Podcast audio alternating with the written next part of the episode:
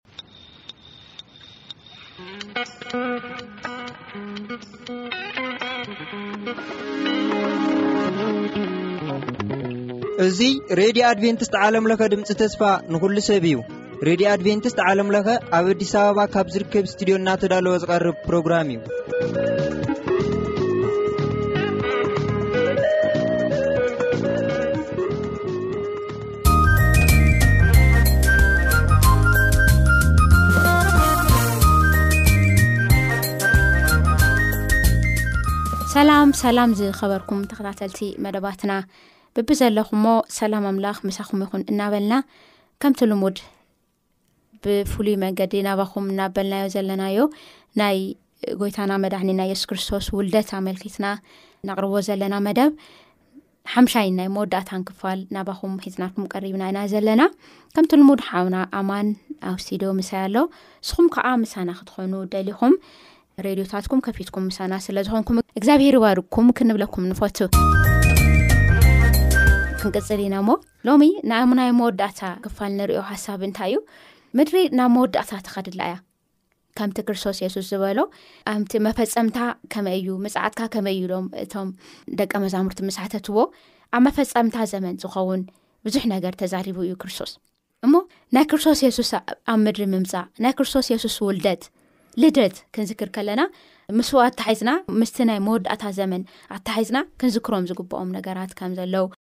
ቃል ኣምላኽ ይዛረበና እሞ ናባኻ እዚ ዘቕርቦ ሕቶ እንታይ እዩ ኣማን ጸሎት ክንገብር ኢና ጸሎት ኣይረሳእናን ከምኡ እውን መዛሙርቲ እውን ኣብ ማእኸል ክንሰምዕ ኢና ግን ናባኻ እዛ ኣቕረባ እታይ ኢና መወዳእታ ሓሳብ ሳብና ዝኸውን በዚ ግዜ እዚ ከመይ እዩ እንታይ ዓይነት ኣረዳድኣ ይኒኤካ ምስቲ ናይ መወዳእታ ዘመን ናይ ክርስቶስ የሱስ ኣብ ምድሪ ውለትን ሕዚ ኣብ ዘለናዮ ዘመን ኣታሓሒዝካ ኣነፃፂርካ እንታይ ዓይነት ኣረኣያ እኒኣካ ንሱካ ትገልፀና ማለት እዩ ሎምዓንቲ ሕቶ ኣቐድመ ይቅርታ ግን ፀሎት ትገብረና እሞ ንደሓር ክንቅፅል ኢና ሓራይ እግዚኣብሔር ኣምላኽ ነመስግነካ ኣለና ሕጂ ድማ ቃልካ ከፊትና ኣለና እሞ ክቡር ዝኾነ ቃልካ ድማ ክትገልፀና ከተብርሃልና ኣስተውዒልና ድማ ምባር ንኽእለሉ ነዚ ሕቶ ኣብ ሂወትና ዘሎ ድማ ክምለስ ዘይከኣለ ክንፈልጦ ዘይከኣልና ምስጢር ድማ ክትገልፀልና ንልምነካ ኣልና ኣሜን ዝተረፈ ግዜናን ሰዓትና ንባርኽ ብጎይታና መድሓና ንስ ክርስቶስ ስም ኣሜን ኣሜን ሕራይ እግዚኣብሔር መስገን እግዚኣብሔር ምሳና ስለ ዘለው ካብ ኩሉ ዝገርመና ነገር ምስ ኣምላኽ ምዃንና ንርድኦ እግዚኣብሔር ብቃሉ ኣቢሉ እግዚኣብሔር ብመንፈሱ ኣቢሉ እግዚኣብሔር ብዝተፈላለዩ መንገዲ ኣቢሉ ይዛረበና እዩ ሽዑ ኢና እግዚኣብሄር ምሳና ህላወይ ምዃኑ ንርዳእ ማለት እዩና ክርስቶስ ምሳና ምዃኑ እናተረድአና መንፈሱ እና መንፈሱ ተኻፈልቲ ምዃና ናይ ባህሪኡ ተኻፈልቲ ምዃንና እናተረድአና ካብ ኩሉ ላዕሊ ከዓ ናብቲ ዘለዓለማዊ ዝኾነ ህይወት ተመሪሕና ምስኡ ኣብ ቤቱ ከም ዘለና እናተሰምዐና ንነብር ደቂ እግዚኣብሄር ኢና ነዚ እግዚኣብሄር ኣዚና ኢና ነመስግኖ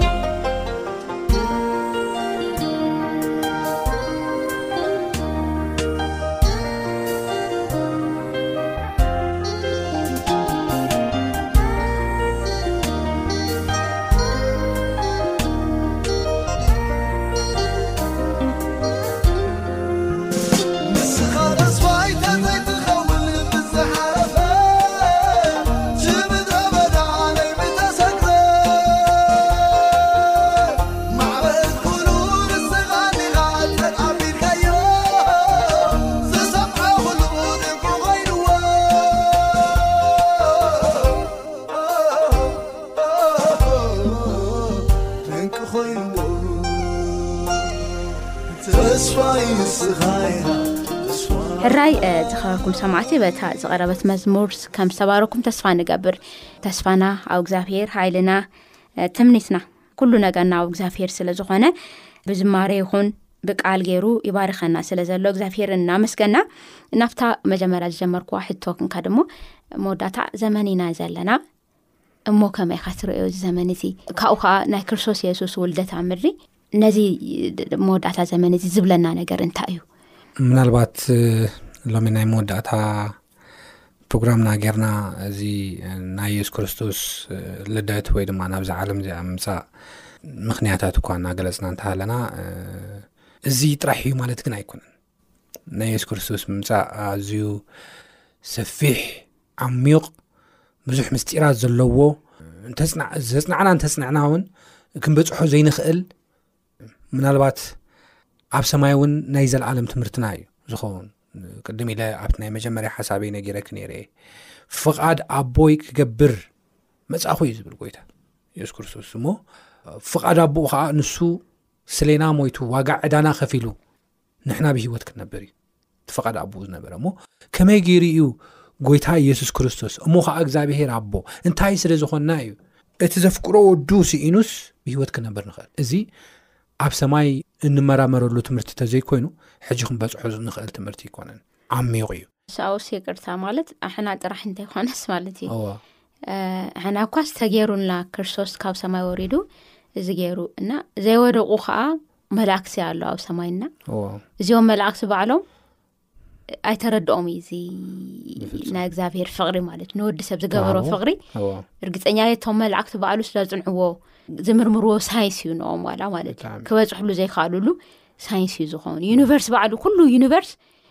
እዚ ዛንታ እዚ ገና ክምርምሮ እዩ ብጣዕሚ ብጣዕሚ እሞ እሱ እዩ ሕጂ እንዲያም ኣነ ቅድሚ ናብዛ ሕቶ እዚኣ ምምፀኢ ሓደ ካብቲ ንእሽተይ ካብቲ ዝበልናዮ ሲ ኢንፋሳይዝ ገይረ ክቕርብ ዝደሊ ዋና ዓላማ እንታይ እዩ ሰይጣን ቅድሚ ምውዳቑ እዚ ዓብ ቅልሳ መንጎ ክርስቶስና መንጎ ሰይጣን ድማ ቅድሚ ምግባሩ ወይ ድማ ወዲቑ መጀመርያ ዝገበሮ ነገር ቅድሚ ምውዳቑ ዝገበሮ ነገር እንተሃለዎ እንታይ ናይ እግዚኣብሄር ስም እንታይ ምግባር እዩ ምፅልማት እዩ በቃ እግዚኣብሄር ፍትሓዊ ኣይኮነን ኣምባገነን እዩ ሕጉ ከቢድ እዩ ኣይከኣልን እዩ ታይዶ መይዶስ ዝብል ብዙሕ ክስታት ኣቕሪቡ እዩ ነቶም ሲሶ መላእኽቲ ካብ ሰማይ ክወድቁ ገይርዎም ሓሊፉ እውን ንሄዋን እውን ኣሳሒቱ ንኣዳም እውን ኣውዲቑ ናብዚ ንሪኦ ዘለና ሓጢኣትን ፅልመትን ዘእተወና ማለት እዩ እዚ ኩሉ ሪስፖንስብል መን ሓላፍነት ዝወስዶ ሰይጣን እዩ ብርግፅ ንሕና ሓጢኣት ንምምራፅና እውን ኣብ ዕለታዊ ሂወትና ሓጢኣት ንምምራፅና እውን ነቲ ኣብ ሂወትና ንረኸቦ ጸገማት ተሓተተ ክንከውን እውን ንኽእል ኢና ግን ናይዚ ኩሉ ሪስፖንስብል ግን ሓተሓታቲ መን እዩ ዋና ዲያብሎስ እዩ ዝኸውን ዘሎ ማለት ስለዚ ናብቲ ሓሳበይ ክምለስ ከለኹ ናይ የሱስ ክርስቶስ ምምፃእ እውን ናይ የሱስ ክርስቶስ ልደት እውን እንታይ እዩ ናይ እግዚኣብሄር ክብሪ ምግላፅ እዩ ናይ እግዚኣብሄር ባህሪ ምግላፅ እዩ ምክንያቱ ኣብ ውሽጢ ሰብ እንታይ ገይሩ እዩ ቀሪፅዎ ነይሩ ንሄዋን እኳ ክዛረባ ከሎ ኣብዚ ፍጥረት ምዕራፍ ሰለስተ ከድና እኳ ክንሪኣ ከለና እንታይ ገይርዋ ቀሪፅዋ መፅኡ እዛ ፍረ እዚኣ ከይትበልዑዶ እግዚኣብሄር ኣዚዙ እዩ ኢልዋ እወ ከይትበልዑ ካብኣ ምስ በላዕኹም ሞት ከም ትሞቱ ኢኹም ትብሎ ሰኻ እዎ እግዚኣብሄር ዳ ዓይንኹም ከም ዝኽፈታ ከም ኣምላኽ እውን ከም እትኾኑ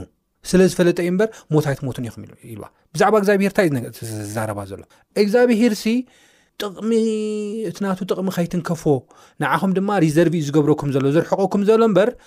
ሓሊልኩም ወይ ድማ ፍቕሪ ኮይኑ ይኮነን እዩ ዝብላ ዘሎ ኣብ እምሮ ኣሰስርፀላ ዘሎ ሄዋን ኣሚናቶ ኣሚናቶ ነታ ፍረ በሊዓ ዋ እግዚኣብሔር ዝሓበና ተሃልዩ ዳኣ እስኪ ክንፍትና ኢላ በሊዓ ተታሊላ ማለት ግን እቲ ሓቂ ከምኡ ይነበረን እቲ ሓቂ ከምኡ ይነበረን እቲ ሰይጣን ዝበሎ ኣይኮነን ነሩ ሓቂ ግን ብዛዕባ እግዚኣብሄር ኣብ ማንም ሰብ ከምዚ ዓይነት ነገር እዩ ኣስሪፁ ብዛዕባ እግዚኣብሄር እግዚኣብሄር ሲ ንዓና ሰናይ ነገር ዝሓብኣልና ዓይንኹም ከም ዝኽፈታ ከም ኣምላኽ ድማ ከምትኾኑ ፈሊጡ እዩ ዝብል ንሄዋን ዘስሐተሉ ዘዴ እናገበረ ኣብ ኣእምሮ ሰብ ብዛዕባ እግዚኣብሄር እንታይ ገይሩ እዩ ሕማቕ ነገራት ገይሩ እዩ ማለት እዩ ስለዚ ናይ ክርስቶስ ምምፃእ ናይ ክርስቶስ ልደት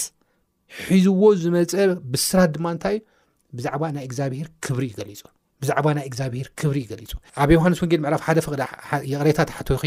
ቅድሚ ምላሰይ እዚኣ ስለ ዝምልስ ዘለኹ ወይ ድማ ኣጋጣሚ ተታሒዝለይ ተሓሳ ማለት እዩ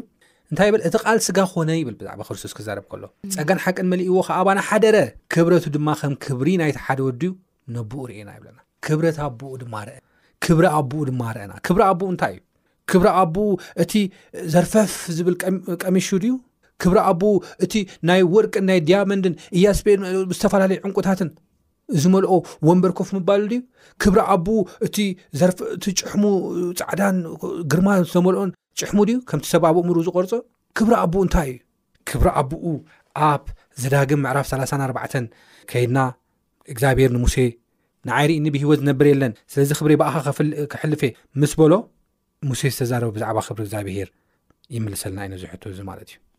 ዘፃኣት ምዕራፍ 34 ፍቕዲ 6 እግዚኣብሄር ድማ ብቅድሚኡ ሓለፈ ኣወጀኻ እግዚኣብሄር እግዚኣብሄር መሓርን ጸጋውን ኣምላኽ ንኹራ ደንጓዪ በዓል ብዙሕ ለውሃትን ሓቅን ክሳዕ ሽሕ ወለዶ ጸጋ ዝሕሉ ዓመጽን ምትሕልላፍን ሓጢኣትን ይቕረ ዚብል ግናኸ ንበዳለ ከም ንጹህ ዘይርኢ ሓጢኣት ኣቦታት ደኣ ናደቂ ደቅን ክሳዕ ሳልሳይ ራብዓይ ወለዶ ዝቐጽዕ እናበለ ይዛረብ ማለት እዩ እግዚኣብሄር እግዚኣብሄር መሓርን ጸጋውን ኣምላኽ ንኹራ ደንጓይ በዓል ብዙሕ ለውሃትን ሓቅን ኢሉ ክዛረብ ከሎ ኢና ንርኢ እዚ እዩ ገሊፅዎ እግዚኣብሄር እግዚኣብሄር ፈቃር ምዃኑ እዩ ገሊፅዎ እግዚኣብሄር እታ ዘፍቀራ ፍቕሪ ንዘይግባኣና ሓጢኣተኛታት ክነስና ወዲቕና ዝነበርና ሰባት ዘይግብኣና ጸጋ ዘልበሰ ፈቃር ዝኾነ ኣምላኽ እታ ፍቕሩ ከዓ እንታ ዘይብላ ዘለዓለማዊ ፍቕሪ ከም ዝኾነ እዩ ገሊፅልና ማለት እዩ ስለዚ ናይ ክርስቶስ ምፅት ናይ እግዚኣብሄር ፍቕሪ ተርእያ ናይ ክርስቶስ ምፅት ናይ እግዚኣብሄር ምሕረትን ለውሃትን ሓቅን ትገልፅ እያ ናይ እግዚኣብሄር ለውሃት እቲ ሓቂ ናይ ዲያብሎስ ሓሶት እውን ትገልፅ እያ ናይ ዲያብሎስ ሓሶት እውን ትገልፅ እያ ኣብ ቆላሳያስ ምዕራፍ ክልተ ኣብ ቆላሳያስ ምዕራፍ ክልተ ከይና ንሪእኣሉዋንሲ እንታይ ይብል ናይ እግዚኣብሄር ባህር ጥራሕ ዘይኮነ ትገልፅ ናይ ዲያብሎስ ሓሶት እውን ትገልፅ እያ ከምዚ ይብል ነቲ ብሕጋታት ዝቃወመናን ዝበኣሰናን ዝነበረ ብኢድ ተፃሓፈ ፅሕፈት ዕዳ ደምሲሱ ከዓ ይብል ክርስቶስ ን ኣብ መስቀል ሸንኪሮ ካብ ማእኸል ኣርሕቆ ይብለና ነቶም ሕልቅነታትን ስልጣናትን ኣፅዋሮም ገፊፉ ዝጥቀምሉ ዝነበሩ ኣፅዋር እንታይ ገይሩ ዝጥቀምሉ ዝነበረ ኣፅዋር ንሰባት እግዝኣብሄር ንኸየምልኹ፣ ናብ እግዝኣብሄር ንኸይቀርቡ፣ ንእግዝኣብሄር ከይግዝኡ ዝገብርዎ ዝነበሩ ታክቲካት፣ ልክዕ ንሄዋን ከም ዘስሓተ ድሕሪኡ ንዘመናት ዝተፈላለዩ ኣቦታት ዘስሓተሉ ኣጽዋራት ገፊፉ ይብለና። እግዝኣብሄር ይመስገን ገፊፉ። ቆላስያስ ምዕራፍ 2 ዓሰርተ ሓሙሽተ ዘንብብ ዘለኹ። ብእኡ እናፈከረሎም ከኣ ብግልጺ ኣስተሓፈሮም። ስለዚ ናይ ክርስቶስ ምጽኣት፣ ናይ ክርስቶስ ልደት ናይ እግዝኣብሄር ክብሪ ዝገልጽ እዩ ነይሩ፣ ናይ እግዝኣብሄር ፍቕሪ ዝገልጽ እዩ ነይሩ። ፕላስ ናይ እግዝኣብሄር ፍቕሪ ጥራሕ ዘይኮነ ናይ ዲያብሎስ ሓሶት ውን ዝገልፅ እዩ ነይሩ ማለት እዩ እግዚኣብሔር ይመስገን ማለት እዩ ስለዚ እዚ እዩ እምበኣር ናብ ትሕቶ ክመፅእ ናብ ትሕቶ ክመፅእ ከለኹ ኩነታትና ሎሚ ናብ ኣዝዩ ናይ መወዳእታ ዘመን ዝቐረብናሉ ግዜ እዩ ውግእን ወረ ውግእን ዝሰምዓሉ ህዝቢ ኣብ መንግስቲ መንግስቲ ድማ ኣብ ህዝቢ ህዝቢ ኣብ ህዝቢ ድማ ዝለዓለሉ ዘመን ኢና በፅሕና ዘለና እዚ ናይ ክርስቶስ ልደት ዝተሓሓዞ ነገር ዶ ኣለዎ ክንብል ከልና እወ ኣሎ ኣብ መፅሓፍ ቅዱስ ኣብ ኤፌሶን ምዕራፍ 2 ፍቅዲ 14 ክሳብ 18 ከይና ንሪእሉ እዋን ናይ የሱስ ክርስቶስ ልደት እንታይ እዩ ዝብለና እንታይ እዩ ዘምህረና ክንብል ከለና ከምዚ ይንበብ ንሱ ነዞም ክልተ ሓደ ዝገበረ ነቲ ኣብ መንጎ ዝነበረ ከልካለ ቀፅሪ እውን ዘፍረሰ ሰላምና እዩ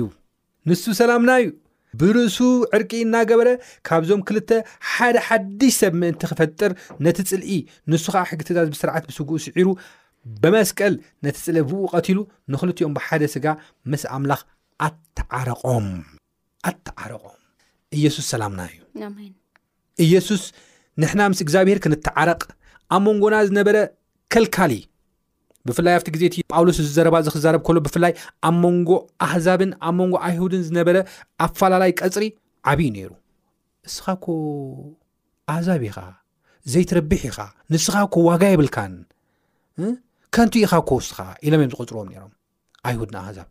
ኣህዛብ ከዓ ንኣይሁድ እንታይ ይብልዎም ነይሮም ንስኹም ኮ ምንም ዋጋ ዘይብልኩም እኳ ኢኹም እንታይ ካብ ባርነት ናብ ባርነት ታይዶ ታሪክ ኣለኩም እዩ እናበሉ ዘቃልዎም እዮም ነይሮም ዓብ ባእሲ ዓብ ክፍተት እዩ ነይሩ ስለዚ የሱ ክርስቶስ ሰላምና እዩ ንዓና ንእግዚኣብሄር እንደገና እንታይ ዝገበረ ዘተዓረቀ ምክንያቱ ንሕና ውን ምስ እግዚኣብሄር እንታይ ጌርና ና ሓጢኣት ምግባርና ፀላእቲ ኣምላኽ ኮይና ና ኤፌሶን ምዕራፍ ክልተ ኣብኡ ኣብቲ ዘንበብክዎ ኤፌሶን ምዕራፍ ክልተ ፍቅዲ ሓደ እንታይ ብለና መስለኪ ንስኻትኩም ቀደም ከምዛ ንብረት እዛ ዓለም እዚኣ ከምቲ መንፈሱ ሕጂ ካብቶም ደቂ ዘይምእዛዝ ዝግበር ዘሎ ሓለቓ ሰይጣን ኣየር ተመላለስኩም ብበደልኩምን ብኣበሳኹምን ሙታት ዝነበርኩም ንኣኻትኩም ህያው ገበረኩም ምስ በለ ቁፅሪ ሰሰ ንሕና ኩላትና ከዓ ነቲ ናይ ስጋን ሓሳባት ድሌትን እናገበርና ቀደም ብትምኒት ስጋና ምሳታቶም ንነብር ነበርና ከምቶም ካልኦት እውን ብባህርና ደቂ ቁጥዓ ነበርና ይብለና ደቂ ቁጥዓ ነበርና ጸላእቲ ነበርና ሮሜ ምዕራፍ ሓሙሽተ እውን ብቃል ብቃል ጸላእቲ እዩ ዝብል ስለዚ ምስ እግዚኣብሄር ዝነበረና ንሕና ካብ እግዚኣብሄር ርሒቕና ከም ጸላእቲ ኮይና ብ ዝነበርናሉ ግዜ ዕዳና ከፊሉ ምስ እግዚኣብሄር ከም ዘተዓረቀና ኢየሱስ ሰላምና እዩ ነንባዕልና ዝተፈላለየ ደረጃታት ብምፍጣር ልክዕ ከም ኣይሁድን ከም ኣህዛብን ዝነበረ ኣፋላላይ ኣወጊዱ እንታይ ዝገበረ እዩ ዘተዓረቀና ሓደ ዝገበረና ጎይታ እዩ ኢየሱስ ሰላምና እዩ ልደት እዚ ዝነግረና ስለዚ ናይ ሰላም ሰባት ንኹን ናይ ሰላም ሰባት ንኹን፣ ባዕልና ፓርቲሽን ኣይንፍጠር፣ እዚ ኣወጊድዎ እዩ ኢየሱስ ክርስቶስ፣ እስኻ ወዲ እከለ ኢኻ እስኻ ወዲ እከሊት ኢኻ፣ እስኻ እባ ከምዚ ኢኻ እስኻ እባ ጸሊም ኢኻ እስኻ እባ ቀይሕ ኢኻ፣ ንስኻ እባ ሃፍታም ኢኻ እስኻ እባ ድኻ ኢኻ ዝብል ፓርቲሽን ኣይንፍጠር፣ ሰላምና ዝኾነ ኢየሱስ ክርስቶስ ነዚ ኩሉ ቀጽርታት ኣፍሪስዎ እዩ፣ ምስ እግዚኣብሔር ኣተዓሪቕና እዩ፣ ኣብ መንጎና ዘሎ ጽልኢ እውን ኣፍሪስዎ እዩ፣ ጽልኢ ኣይንፍጠር ጽልኢ ኣይንፍጠር ናብ ክርስቶስ ንቕረብ ናብቲ ሰላምና ዝኾነ ክርስቶስ ናይ መወዳእታ ጥቕሰይ ምዝ ተሓሒዘ ሓደ ጥቕሲ ክንብብ ደሊ ንሱ ድማ ማቴዎስ ምዕራፍ ዓሰርተ ፍቕዲ ሰላሳን ኣርባዕተን ሰላም ንፍጠር ክብል ከለኹ ግን እንታይ ማለት ከም ዝኾነ እዛ ጥቕሲ እዚኣ ብደንቢኣ ትገልጽ ማቴዎስ ምዕራፍ 1 ፍቕዲ 34 ከምዚ ይንበብ ናብ ምድሪ ይብል የሱስ ክርስቶስ ዕርቂ ከምጽእ ዝመጻኹ ኣይምሰልኩም ሰይፊ ደኣ እምበር ሰይፊ ደኣ እምበር ዕርቂ ከምጽእ ኣይመጻኹን ይብል የሱስ ክርስቶስ እዚ ማለት እንታይ ማለት እዩ ኢየሱስ ሰላምና እዩ ቀጽርታት ናይ ጽልኢ ዘፍረሰ እዩ ንኽልቲኦም ንዓና ንእግዚኣብሄርን ከምኡውን ሰብ ምስ ሰብ ዝነበረ ፅልኢ ኣፍሪሱ ዘተዓረቆም እዩ ኢልና ኢና ፅልኢ ንፍጠር ኢልና ኢና ፅልኢ በዓልና ፓርቲሽን ኣይንፍጠር ክፍፍል ኣይንፍጠር ዓይነዳሉ እዚ ክንገብር ከለና ግን ከመይ እዩ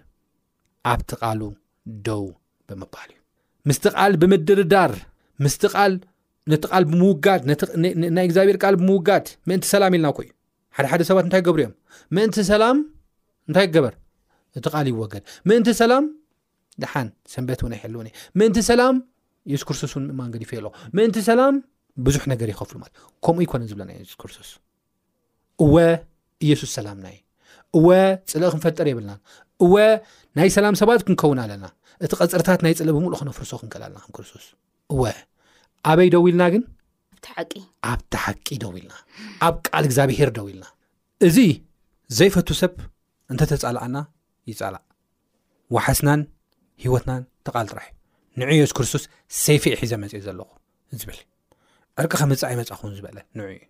ኣብቲ ሓቂ ደው በሉ ኣብቲ ሓቂ ደው ኢልኩም ንሰላም ቅሩብ ዘይኮነ ሰብ ይፈለ ተተፈለ ይፈለ ኢሳብቱ ሂም ክሰጎካ ይኽእል እዩ ክሰጎካ ውን ይኽእል እዩ ክሳደካ ውን ይኽእል ነብስኻ ስካ ምጥፋእ ከጥፋኣካ ክእል እዩ ጠፊኦም እዮም ብዙሓት ሃዋርያት ጠፊኦም እዮም ንክርስቶስ ንባዕሉን ኣጥፊኦሞ እዮም ይሰቐል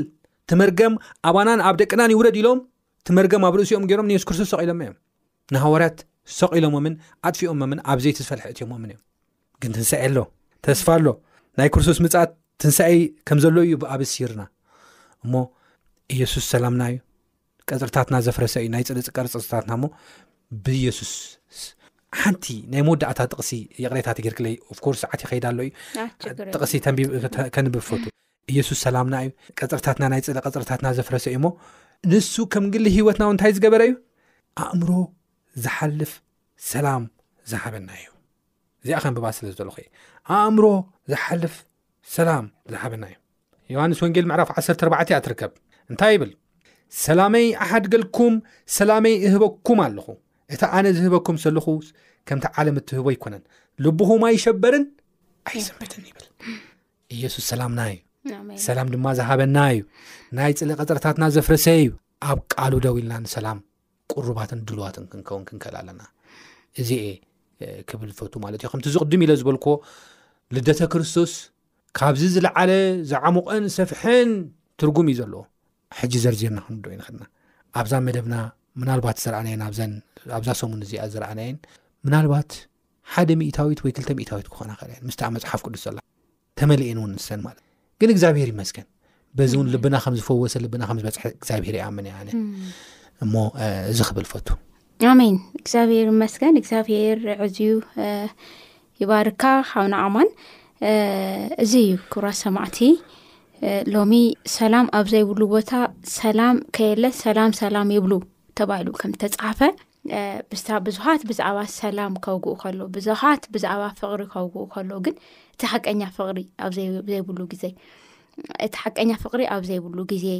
እቲ ሓቀኛ ሰላም ከዓ ኣብ ዘይብሉ ግዜ ኢና ዘለና እዚ ከዓ ዘርእየና መወዳእታና ምድሓና ቀሪቡ ምዃኑ እዩ ዘርእየና ማለት እዩና ኮይኑ ግን እቲ ሰላም ዝሕብ ክርስቶስ ሕዚ እውን ከምቲ ትማሊ ኣሎ ምሳና ስለዚ ነቲ ክርስቶስ ሰላምና ተባሂሉ ዝተፅሓፈ ሰላምና ዝኾነ ክርስቶስ ናባኣና ንእድም ናባና ነቕርብ ንዓ ናባይ ሰላመይ ክርስቶስ እቲ ዘይውዳእ ዘይምንጠል ካብ ንመንም ኣሕልፈ ዘይሕቦ ሰላም ካሂዝካ ንዓበየ ንዓናባ ኢልና ንክርስቶስ ናብ ልብና ክንእድሞ በቲ ሰላሙ ክንመላለስ ማለት እዩ ግን ልቢ ንበላ ብዛዕ እቲ ክርስቶስ ዝሕቦ ሰላም ግን ዓለም ከም ትህቦ ዓይነት ሰላም ኣይኮነን ግዳስ ኣብ ዓለም ሰላም የለን ኖርማል ዚ ክንሪኢ ከለና ሰላም የለን ግን ክርስቶስ እዚ እውን ሰላምና እዩ ናብ ክርስቶስ ንቕረብ ናብኡ ንፀጋእ በቲ ቃሉ በቲ ተስፍኡ በቲ ዝሃበና በቲ ዝገበረና ነገር ኣሜና ልብና ናብኡ ጌርና ሰላምና ብኡ ክንገብር እግዚኣብሄር ፀግኡ ያብዝሐና እስቲ ሕዚ ደሞ ሓንቲ መዝሙር ሰሚዕና ክንምለስ ኢና ካብኡ መደብና ናብ መወዳእታ ኣምፅእና ኢና ዘለና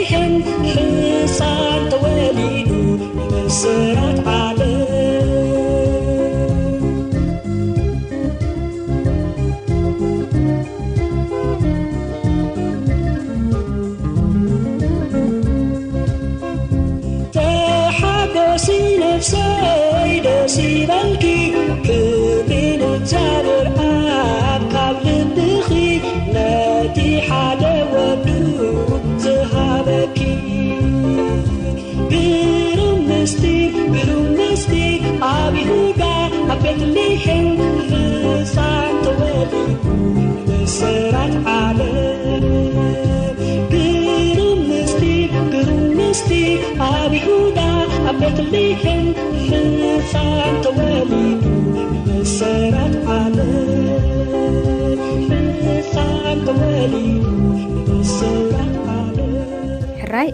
ኣብ መወዳእታ ጸሎት ጌርና ክንፈላለና በታ ዘቐረበት መዝሙር ከም ዝተባርኩም ተስፋ ንገብር ፅር ዝበለ ጸሎት ክንገብር እሞ ካብኡ ክንውድእና መደብና ንፅሊ ጎይታ መድሃኒና የሱስ ክርስቶስ ሰላምና ስለ ዝኾንካ ነምስገነካ በቲ ዝሃብካና ሰላም ከኣ ሰላምና ኣውጅና ኣባኻ ኣሪፍና ክንነብር ከኣ ርድኣና